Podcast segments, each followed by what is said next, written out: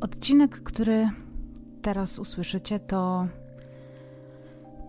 nie wiem czy początek serii, ale takiego odcinka jeszcze e, w Piąte Nie Zabijaj nie było. Jest on trochę podyktowany tym, że ostatnio próbuję też nowych formatów. Między innymi na przykład e, był to odcinek z Tomaszem Ławnickim albo odcinek o Ani Jałowiczor, który robiłam e, w dużym porozumieniu z jej bratem Dominikiem. To taki odcinek, który być może właśnie będzie początkiem serii i będzie zawsze na koniec każdego miesiąca, tak sobie teraz pomyślałam, ponieważ na co dzień spraw kryminalnych dzieje się naprawdę mnóstwo i grupa Piąte Nie Zabijaj na Facebooku wręcz pęka w szwach od różnego rodzaju linków, artykułów, różnego rodzaju e, wiadomości, a ja po prostu nie wykorzystam ich nigdy w odcinku, ponieważ są to sprawy, które dopiero co się wydarzyły a na ich rozwikłanie trzeba czasami poczekać nawet i kilka lat. E, pomyślałam sobie jednak, że sprawy są najbardziej interesujące wtedy, kiedy mm, się dzieją. I trochę dziwi mnie to, że w sumie nigdy nie wpadłam na to, żebyśmy po prostu omawiali też pewne bieżące sprawy, szczególnie jeżeli chodzi o zaginięcia, uprowadzenia e, i poszukiwania na przykład, tak jak w zeszłym roku, dobrze pamiętam, że to był zeszły rok, e, poszuki, cała Polska poszukiwała Jacka Jaworka, do tej pory to zresztą trwa, więc pomyślałam sobie, że może jednak warto też tej aktualnej rzeczywistości poświęcić czas. Stąd też dzisiaj taki odcinek, który będzie mm, pewnego rodzaju podsumowaniem kryminalnym e, października. Mm, przedstawię takie ciekawe sprawy, które się wydarzyły, y, ale też będzie jedno z zaginięć, które szczególnie do mnie dotarło y, właśnie głównie po sprawie Ani Jałowiczor. Też dowiecie się dlaczego. No i dosłownie news sprzed kilku godzin, którym się z Wami dzisiaj podzielę z zagranicy, co prawda, ale myślę, że do wielu z Was trafi, ponieważ wiem, że też słuchacie historii zagranicznych. Także zapraszam Was na kryminalny październik właściwie, czyli podsumowanie miesiąca.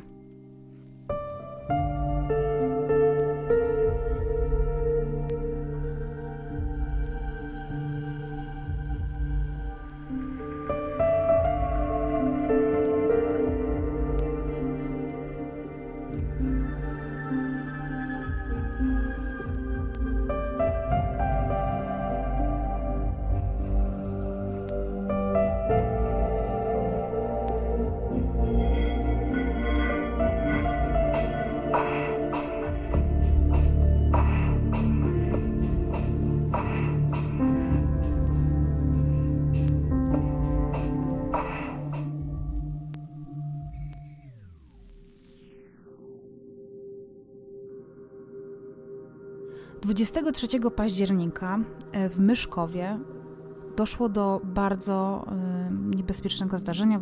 Właściwie to e, do tragedii, jaką było uprowadzenie 22-letniej kobiety. Została ona uprowadzona przez 45-latka. Mm, ten horror trwał aż 4 dni. Natomiast skończyło się to wszystko dobrze, to znaczy najlepiej chyba jak mogło, ponieważ policja została powiadomiona przez matkę y, uprowadzonej kobiety około godziny 23 w niedzielę. Natomiast funkcjonariusze od razu dotarli do informacji, że sprawcą jest mężczyzna znany myszkowskiej policji. Prawdopodobnie nie był on jakimś anonimowym człowiekiem y, o którym nikt nic nie wiedział. Do tego wszystkiego był wcześniej karany za przestępstwa przeciwko mieniu, zdrowiu i życiu. Policja wpadła na szybki trop też głównie dzięki temu, że dziewczyna, czy uprowadzona kobieta, wysłała pineskę ze swoją lokalizacją znajomemu. Bardzo możliwe, że już wtedy, kiedy czuła się zagrożona, czy kiedy już doszło do uprowadzenia, a jeszcze nie została pozbawiona telefonu. E, policja dzięki temu szybko rozpoczęła akcję przejęcia pojmanej dziewczyny, właściwie coś w rodzaju odbicia mm, na terenie ośrodka wypoczynkowego, która trwała całą noc, a sama porwana miała zostać zgwałcona, odurzona środkami psychotropowymi, mm, no i skrzywdzona też oczywiście y, fizycznie. Mężczyźnie za ten czyn grozi 12 lat więzienia. Został on zatrzymany, także ciekawa jestem, e, co z tego wyniknie. Oczywiście tutaj e, nie byłabym sobą, gdybym nie powiedziała właśnie o tym, że bardzo ważne jest korzystanie z technologii, którą dysponujemy Między innymi właśnie udostępnianie lokalizacji. To jest bardzo ważne w, takim, w takiej naszej codzienności, y, która wydaje nam się wcale nie groźna. Między innymi tutaj mówię o tym, kiedy wybieramy się na randkę, szczególnie e, dzisiaj, kiedy większość ludzi poznaje się przez internet, więc kiedyś musi dojść do tego pierwszego spotkania, które powiedzmy zawsze teoretycznie może być tym najbardziej niebezpiecznym, decydującym, więc y, zawsze warto przynajmniej powiadomić jedną, dwie osoby, które będą um, czuwać nad nami, będą obserwować naszą lokalizację. Można taką lokalizację tymczasowo komuś udostępnić i dana osoba w czasie rzeczywistym będzie widziała, gdzie jesteśmy, gdzie się przemieszczamy, więc nawet jeżeli zostaniemy pozbawieni tego telefonu, to gdzieś tam będzie ten ostatni ślad po nas y, zapisany, a do tego wszystkiego jeszcze są takie y, rzeczy jak na przykład, nie wiem, dla wszystkich tych, którzy mają iPhony i w ogóle sprzęt Apple'a, to jest coś takiego jak AirTag, czyli takie, pewnie to też jest w innych y, wariantach technologicznych, natomiast to jest taki mały lokalizator, który możemy przypiąć sobie do albo przykleić do danego przedmiotu, na przykład do kluczyków samochodu, do jakichś ważnych rzeczy. E, dzięki temu, kiedy je zgubimy, będziemy mogli e, je namierzyć, jeżeli one się będą znajdowały gdzieś w pobliżu innych tego typu urządzeń, e, ale też możemy po prostu ich szukać w domu. Ja na przykład takie coś zrobiłam akurat u siebie w domu, kiedy już nie mogłam wytrzymać, kiedy mój mąż po prostu cały czas gubił jakieś rzeczy i to pomaga mu po prostu je odnajdować nawet wewnątrz e, naszego domu, więc to taka chyba bardzo ważna historia, e, bo myślę, że ona by się mogła naprawdę zakończyć dużo, dużo gorzej. Ten horror mógłby trwać, myślę, że do dziś, e, gdyby właśnie nie ta udostępniona znajomemu pineska z lokalizacją. Drugie takie bardzo, myślę, że Mm, szokujące wydarzenie i takie myślę, że głośne dość, miało miejsce w Inowrocławiu, ponieważ tam 16 października e, w niedzielę mm, zostało zgłoszone zaginięcie 13-letniej Nadi. E, poszukiwania rozpoczęły się od razu, wiadomo, to jest 13-latka, e, to jest to dziecko, więc myślę, że mm, od razu dołożono wszelkich starań, takich najwyższych starań, żeby odnaleźć dziecko. Policję powiadomili jej rodzice, natomiast w środę, mm, czyli trzy dni w sumie od zgłoszenia zaginięcia, znaleziono ciało dziewczynki w pustostanie niedaleko jednego z osiedli w Inowrocławiu, e, dokładnie przy ulicy Długiej. Dziewczynka miała wiele ran kłutych, innymi szyi, e, też tułowia. Przyczyną śmierci było oczywiście wykrwawienie się. E, natomiast i tutaj policja szybko trafiła na podejrzanego. Mm, jest nim Mikołaj J., 18-latek, który przyznał się do zabójstwa e, Nadi. Od czasu popełnienia zbrodni przebywał w tym samym opuszczonym budynku, mm, w którym też policja go namierzyła.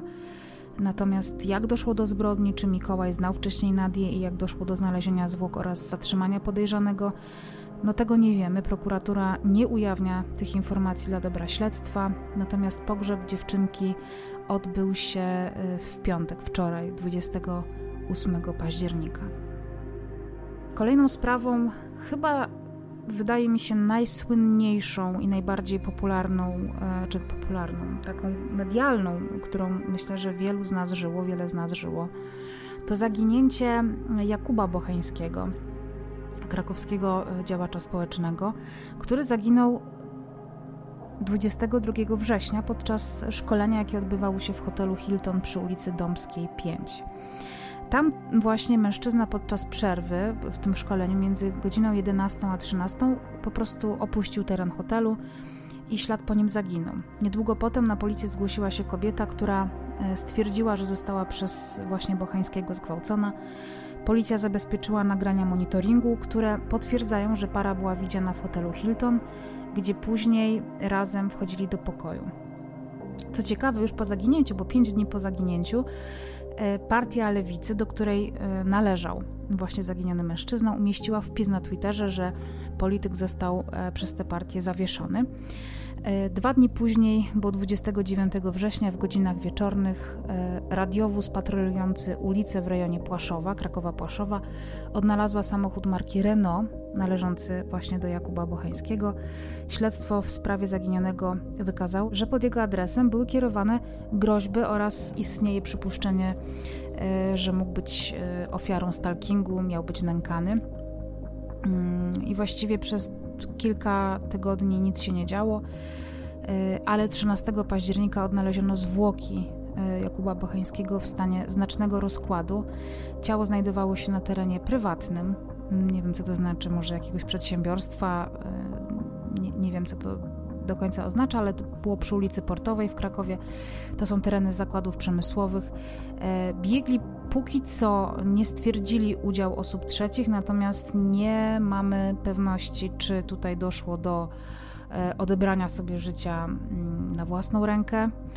Używam specjalnie takiego sformułowania, bo różnie bywa, kiedy się to słowo wypowiada, czy doszło do e, jakiegoś zabójstwa, mm, czy do nieszczęśliwego wypadku. No, tutaj trudno chyba mówić o nieszczęśliwym wypadku, ale oczywiście każda e, hipoteza musi zostać e, wzięta pod uwagę, a potem sfalsyfikowana, więc niczemu się nie możemy dziwić. Oczywiście ja na tę sprawę mam du dużo uwagi jej poświęcam, bo Zawsze tak się dzieje, kiedy coś się dzieje w Krakowie, a tutaj właściwie e, ta historia co chwilę od, odsłaniała jakieś nowe oblicze, bo najpierw po prostu zaginął mężczyzna, później okazuje się, że do tego dochodzi jakiś gwałt, później, że on sam ma być czyjąś ofiarą. Jeszcze słyszałam bardzo wiele innych wersji, ale e, nie wiem absolutnie w jaki sposób e, je interpretować, więc nie podaję ich dalej. E, do straszliwej, ale to straszliwej w moim odczuciu zbrodni doszło w Garwolinie gdzie 21 października 63-letnia kobieta zgłosiła zaginięcie swojego prawnuka. Stwierdziła, że jest na tyle zaniepokojona jego sytuacją, że boi się o jego życie, nie ma z nim kontaktu od y, kwietnia tego roku. Policja oczywiście rozpoczęła poszukiwania zaginionego 4,5-latka, natomiast 26 października, 5 dni po zgłoszeniu tego zaginięcia przez prababcię, E, około godziny 5.40 odnaleziono ciało zaginionego Leona na terenie leśnym niedaleko właśnie Garwolina. Ciało chłopca było zawinięte w kocyk i częściowo zakopane. Najprawdopodobniej e, jednak śmierć Leona nastąpiła znacznie wcześniej. Została zatrzymana mm, od razu matka chłopca Karolina W. oraz jej partner Damian G. Zostali zatrzymani e, w miejscowości Gogole Wielkie i usłyszeli oczywiście zarzut umyślnego spowodowania śmierci dziecka. Jak się okazało, kobieta w chwili zatrzymania, czyli no, na ten moment właściwie ma 8-miesięczne dziecko oraz, oraz jest e, w siódmym miesiącu ciąży. Podczas przesłuchania aresztowego mm, Damian G., to było 27 października, czyli w czwartek, przyznał się do zabójstwa Leona. E, natomiast tego samego dnia też odbywała się sekcja zwłok czterolatka i jej wyniki poznamy za kilka tygodni, więc pewnie będę Was o tym informować. Dla mnie to jest e, straszne, bo po pierwsze dochodzi do śmierci dziecka, ale to imię i plus wiek zgadza się absolutnie z wiekiem imieniem mojego siostrzeńca, więc kiedy przeczytałam ten nagłówek, to serce mi na moment stanęło coś okropnego. Po prostu nie mam słów i, i ciekawa jestem, jaki los czekałby kolejne dzieci, mm, które w tej rodzinie się pojawiły. Przenosimy się teraz do Tarnowa, gdzie 21 października w domu jednorodzinnym przy ulicy Świętego Marcina ujawniono zwłoki aż czterech osób, bo dwóch dorosłych i dwójki dzieci. Jak się okazało, zamordowana została cała rodzina: ojciec, matka oraz dwie córki w wieku 6 i 3 lat. E, dom zamknięty był od wewnątrz, w środku panował względny porządek, więc to taka trochę mm, wydawałoby się, że zagadka zamkniętego pokoju. E, ale kobieta oraz córki miały na ciele liczne rany kłute w okolicach szyi i tułowia, natomiast mężczyzna jako jedyny odnaleziony został na piętrze, a na jego ciele ujawniono również rany cięte szyi.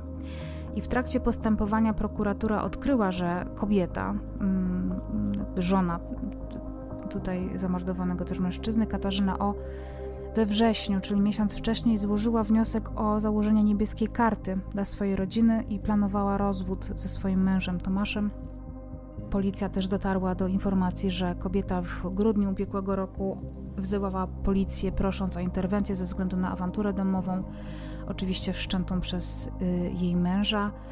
Natomiast policja po przyjechaniu na miejsce zdarzenia nie zastała Tomasza w domu. Jakby taką informację policja miała w swoich e, aktach. Natomiast według prokuratury Tomasz O. zamordował swoją żonę oraz córki, które szykowały się do snu. Wtedy były chyba najbardziej bezbronne, czy nie mogły się spodziewać żadnego ataku. Jedna z córek próbowała się bronić, niestety bezskutecznie, ponieważ na jej ciele e, były widoczne rany, które musiały powstać właśnie w wyniku tego, że się zasłaniała.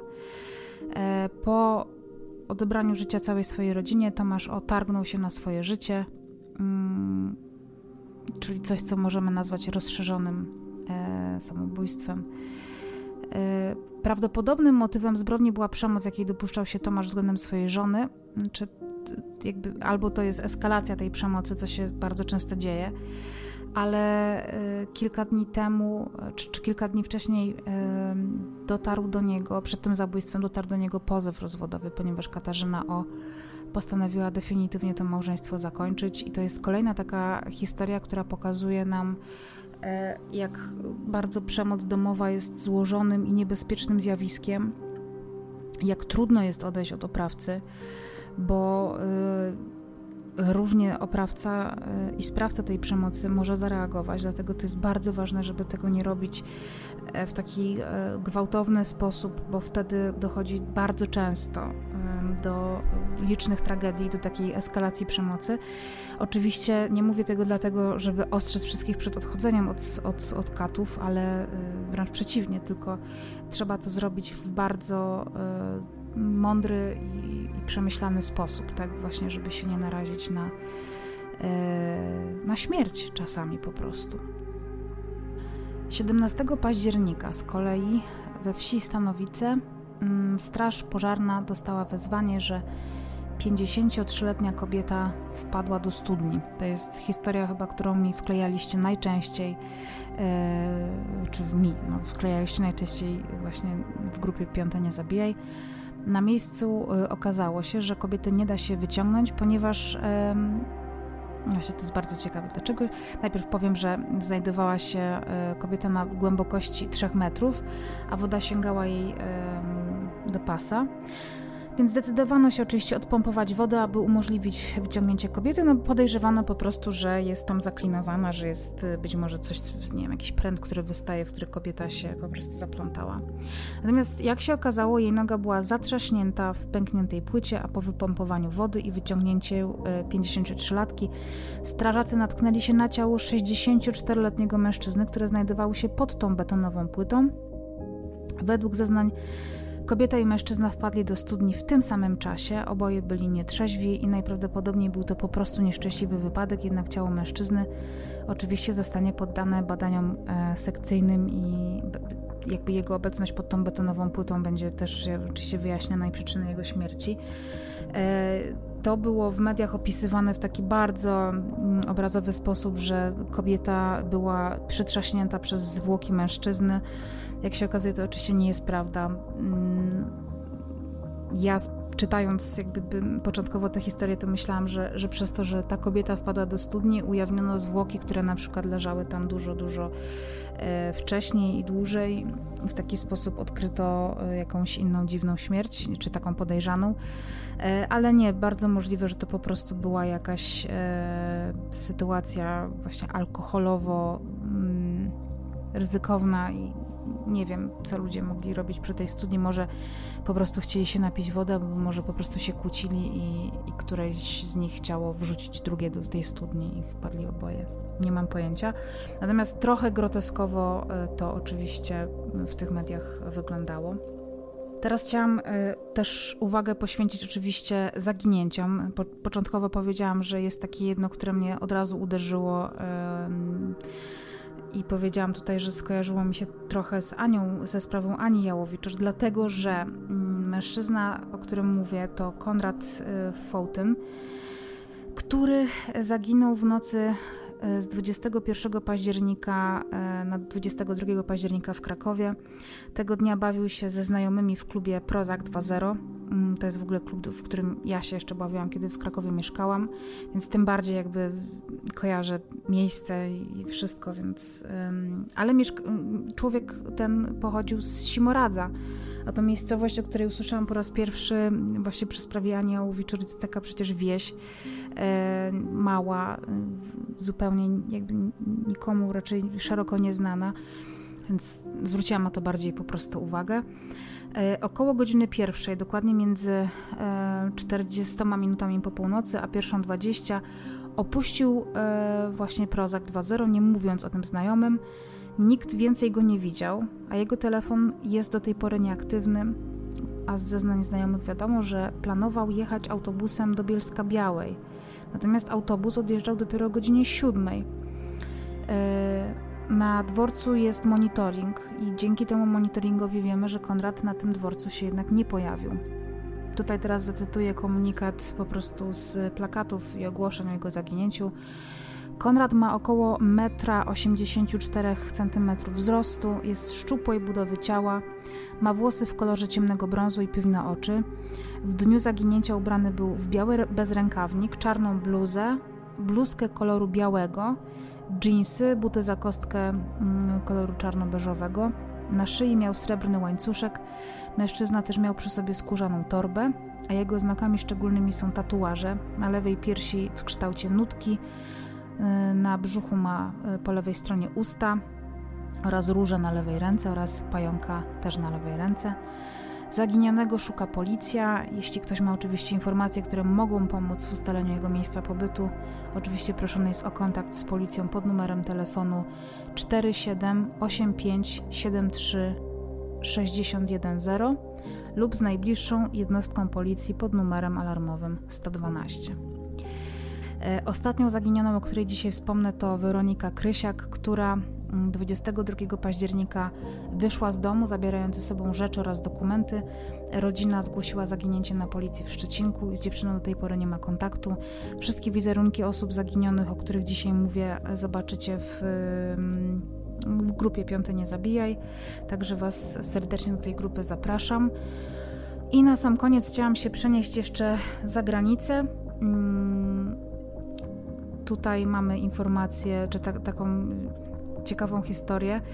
Mianowicie e, do FBI ostatnio zgłosiła się pani mm, Lucy Study, która pochodzi z Iowy, e, ze stanu Iowa i powiedziała o tym, że jej ojciec, e, według jej wiedzy, mm, najprawdopodobniej zabił około 50 lub nawet 70 osób. Mężczyzna ten zmarł 9 lat wcześniej, bo w 2013 roku e, ona jednak dopiero teraz e, poczuła się gotowa i na siłach, żeby powiedzieć o tym e, śledczym. A skąd miała taką wiedzę? Ponieważ podobno tenże mężczyzna zmuszał swoje dzieci, między innymi ją, do tego, żeby pomag, żeby, żeby pomagały mu ukrywać zwłoki y, po zabójstwach, których on oczywiście dokonywał. E, miały tutaj też y, motyw podobny do sytuacji, o której powiedziałam przed chwilą, wrzucać te zwłoki do studni, więc oczywiście FBI zaczęło badać e, te wszystkie wskazówki od kobiety. No i okazało się, że mm, szeryf Kevin Astrop z miejscowości, w której to się działo, mówi, że ma niemalże stuprocentową pewność, że właśnie w tej studni są ciała. E, poza tym psy, które jakby odnajdują zwłoki, tropią zwłoki, zdecydowanie wykazały tam jakąś większą aktywność, więc te ciała tam pewnie są. Oczywiście będziemy więcej wiedzieć e, przyszłości. No i teraz przechodzimy do e, wiadomości, z, właściwie to z dzisiaj, sprzed paru godzin. Mianowicie mm, historia zabójstwa dwóch e, dziewczynek, Abby Williams i Liberty German, do którego doszło e, w 2017 roku. To jest bardzo głośna sprawa, e, o której myślę, że mogliście słyszeć. To jest sprawa, która funkcjonuje w mediach pod taką nazwą jak Delphi Murders. Delphi Murders. To były dwie dziewczynki, które pewnego dnia wybrały się na spacer i podczas tego spaceru zapuściły się w jakieś takie rejony, nie wiem czy to był most, czy jakieś tory, w każdym razie e, relacjonowały swój spacer chyba na Snapchacie, z tego co kojarzę. I ostatnie zdjęcie, które wrzuciły, ukazuje oczywiście je twarze, to jest takie klasyczne selfie, czy to jest w ogóle wideo, fragment wideo i gdzieś tam w tle, w oddali widać e, po prostu postać mężczyzny. Dziewczynki nie wróciły do domu, ich zwłoki odnaleziono e, niedaleko właśnie miejsca, gdzie ten filmik był nagrany. E, no a e, założono też, że ta osoba, która pojawiła się u dziewczynek na Snapchacie czy tam na, tym, na Stories, to był najprawdopodobniej ich zabójca, więc ruszyły oczywiście poszukiwania na szeroką, szeroką skalę. Niestety te poszukiwania nie przyniosły żadnych rezultatów. No i okazuje się właśnie, że y, teraz w piątek, 28 y, października, aresztowano 50-letniego Richarda Allena, który został y, zatrzymany pod zarzutem zabójstwa zarówno 13-letniej Abigail Abby Williams i 14-letniej Liberty Libby German. Myślę, że skoro są takie zarzuty, to te mm, dowody muszą być na tego mężczyznę e, chyba całkiem poważne. Z drugiej strony pamiętajmy o tym, że e, przez 5 e, lat tropienia tej sprawy i tropienia tego zabójcy policja miała już kilku bardzo takich wiarygodnych podejrzanych, czy wiarygodnych podejrzanych, no takich, którzy naprawdę dobrze rokowali, że, że to faktycznie są właściwe osoby, więc możemy po prostu tutaj też zachować taką może nie do końca nieufnością, ale możemy. Rozumiem, że mogą się pojawić pewnego rodzaju wątpliwości, czy to na pewno dobry mężczyzna. Jednak e, policja jest pewna, że za, zatrzymała mm, właściwego człowieka. Natomiast y, myślę, że wszyscy możemy czekać na konferencję prasową, która zapowiedziana jest na poniedziałek 31 y, października i wtedy myślę, że dowiemy się y, dużo więcej. Ja czekam z wielką niecierpliwością na tę konferencję, tym bardziej, że konferencje prasowe w Stanach Zjednoczonych są takie bardzo, bardzo wyczerpujące. Szczególnie pamiętam to ze sprawy mm, zaginionej Gabi Petito i w ogóle tego, jak, jak często te, te konferencje prasowe były mm, organizowane i jak często te informacje, wszystkie nowe, były podawane do wiadomości publicznej. To na tyle dzisiaj. Tak wygląda podsumowanie października. Jeżeli macie jakieś e, sprawy, które wydarzyły się niedawno, wydarzyły się w Waszej okolicy, e, są to sprawy, które być może wymagają jakiejś pomocy, jakiegoś wsparcia w nagłośnieniu, to wysyłajcie albo komentujcie też. My czytamy te komentarze jako tutaj e, ekipa i robimy sobie bazę takich różnego rodzaju spraw. No i przypominam o tym, e, że e, żebyście wysłuchali odcinka wcześniejszego tego o Ani Jałowiczor, żebyście jeżeli macie taką ochotę, dorzucili się do zbiórki, która jest prowadzona przez brata Ani, właśnie na to, żeby mm, pomóc tę sprawę rozwiązać oraz żeby sfinansować nagrodę 100 tysięcy złotych dla osoby, która dysponuje jakąś wskazówką, która jest faktycznie dla tej sprawy przełomowa. A ja zachęcam Was do tego, żebyście subskrybowali kanał oraz y, obserwowali podcast tam, gdzie go słuchacie. Nowe odcinki oczywiście już w listopadzie. E, jeżeli znowu tutaj powtórzę, jeżeli macie jakieś ciekawe sprawy, to wysyłajcie mi je mailowo na adres po małpa niezabijaj.pl. E, dziękuję Wam za uwagę i jak zwykle proszę Was o to, żebyście uważali na siebie i byli bezpieczni. Do usłyszenia.